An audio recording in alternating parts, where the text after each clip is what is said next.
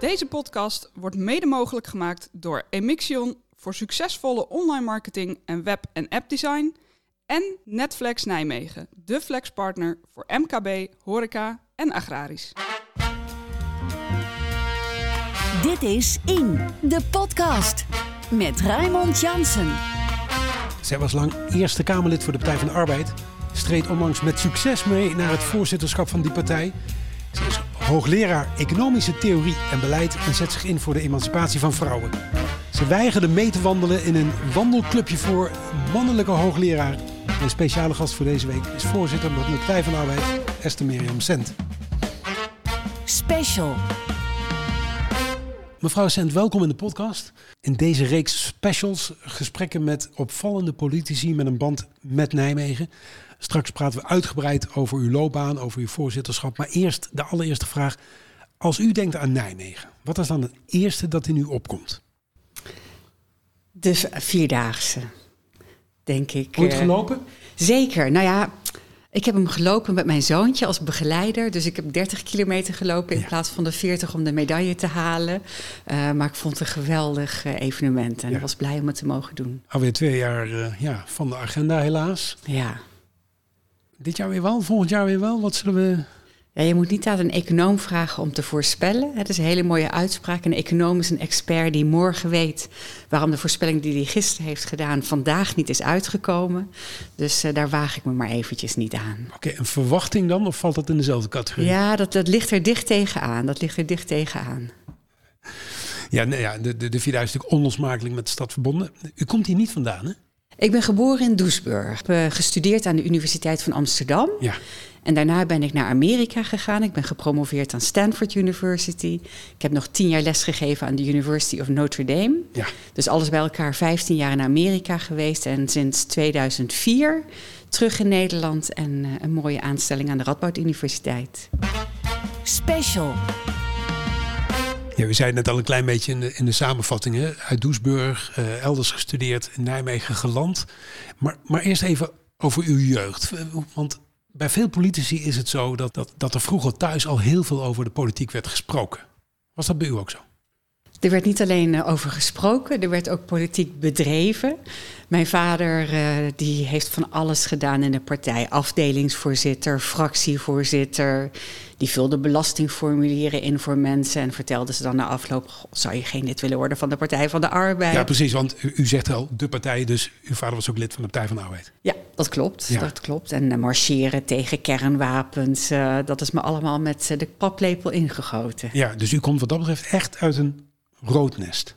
Ja, niet alleen mijn vader, ook zijn ouders. Die, waren, die gingen naar de, hoe heet dat, de Paasheuvel en zo, naar dat soort jeugdkampen. Eh, dus het is een lange fam- familietraditie die ik voortzet. Neem ons eens mee naar die tijd. Wat waren de gesprekken zo aan de keukentafel? Wat, waar ging het dan over? Waar ging het over? Nou, mijn vader die, eh, heeft ooit gezegd dat hij het wel bijzonder vond dat hij vroeger de zoon van een badmeester was. Ja. En dat hij later de vader van een senator en een hoogleraar werd. Eh, en toen ging het er nog over dat we dat verheffing noemen. Maar feitelijk is verheffing niet noodzakelijk dat iedereen hoger opgeleid is. Eh, verheffing, wat mij betreft, is dat iedereen gelijke kansen heeft en dat we alles waarderen. De ene is goed met de handen, de andere is goed met het hoofd. En dat moeten we maximaal stimuleren, dat je op de goede plek terechtkomt. Eh, en verheffing hoeft niet te zijn, we gaan allemaal naar de universiteit. Ver- Verheffing klinkt ook een beetje, een beetje orthodox. Was dat ook de teneur? Dat was eh, heel erg sterk, de teneur. eh. Komt u ook uit een christelijk eh, gezin? Nee, maar je zou het bijna denken als je kijkt Ja. naar de wijze waarop zij in het leven stonden. Dat was, ja, span je maximaal in voor je omgeving. Haal het beste uit jezelf. Maar niet omdat je daar zelf zoveel beter van wordt, maar omdat je op die manier je goed kunt inzetten voor anderen. Hard werken. Hard werken en eh, voor de goede zaak. Ja. De Partij van de Arbeid was, was, nou ja, dat was het onderwerp van gesprek thuis. Thuis, de sociaaldemocratie. hoe- het was dus eigenlijk van, bijna vanzelfsprekend dat u zich ook voor die partij ging inzetten? Of was dat lang niet zeker. Nou, ik had natuurlijk de vrije keuze erin. En er zijn ook partijen in de buurt van de Partij van de Arbeid. In Doesburg is de SP bijvoorbeeld uh, heel erg actief. Ik was ook lid van het actiecomité Doesburgse Jongeren. Uh, we hebben het badhuis bezet. Dat was nog uit de tijd van uh, de krakersbeweging. Dus ik was ook best actief in SP-kringen. Agnes Kant komt ja. natuurlijk uit Doesburg oorspronkelijk. Vaak wethouders van de SP. GroenLinks, alhoewel nou, toen nog in een andere samenstelling of nog, nog niet gefuseerd, was natuurlijk ook een interessante partner. Uh, maar ik heb toch altijd uh, met, trouw, ben, ben toch wel altijd trouw gebleven aan de Partij van de Arbeid. Ja. ja ook niet één keer een uitstapje gemaakt? Nee, zo, nooit. Nee. Zo in de begintijd? Nee, nee. nee. het is altijd trouw aan de PvdA geweest.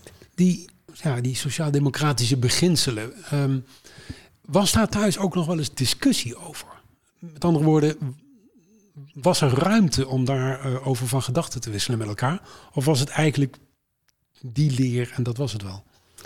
Nou, wij, wij waren thuis ook niet zo van het praten. We waren ook vooral van het doen. Uh, langs de deuren gaan, actie voeren, aan de slag, uh, mensen helpen. Dus uh, mijn vader die heeft ook later in de krant gestaan als de verlosser van Spijk. Die is verhuisd op, op een gegeven moment naar Spijk toe, een dorp wat gedomineerd wordt door PVV-stemmers. Oh. En die is toen lid geworden van de Oranje Vereniging. En dat deed hij eigenlijk helemaal niet omdat hij koningsgezind was, maar omdat hij wist dat hij daarmee langs de deuren moest gaan. En terwijl hij langs de deuren ging, zou kunnen vertellen van nou, uh, ik ben uh, raadslid voor de Partij van de Arbeid. Wat kan ik voor u betekenen? En uiteindelijk heeft hij een geweldige overwinning voor de PvdA weten te boeken in, dat was toen nog Rijnwaarde, dat is nu gefuseerd met Zevenaar.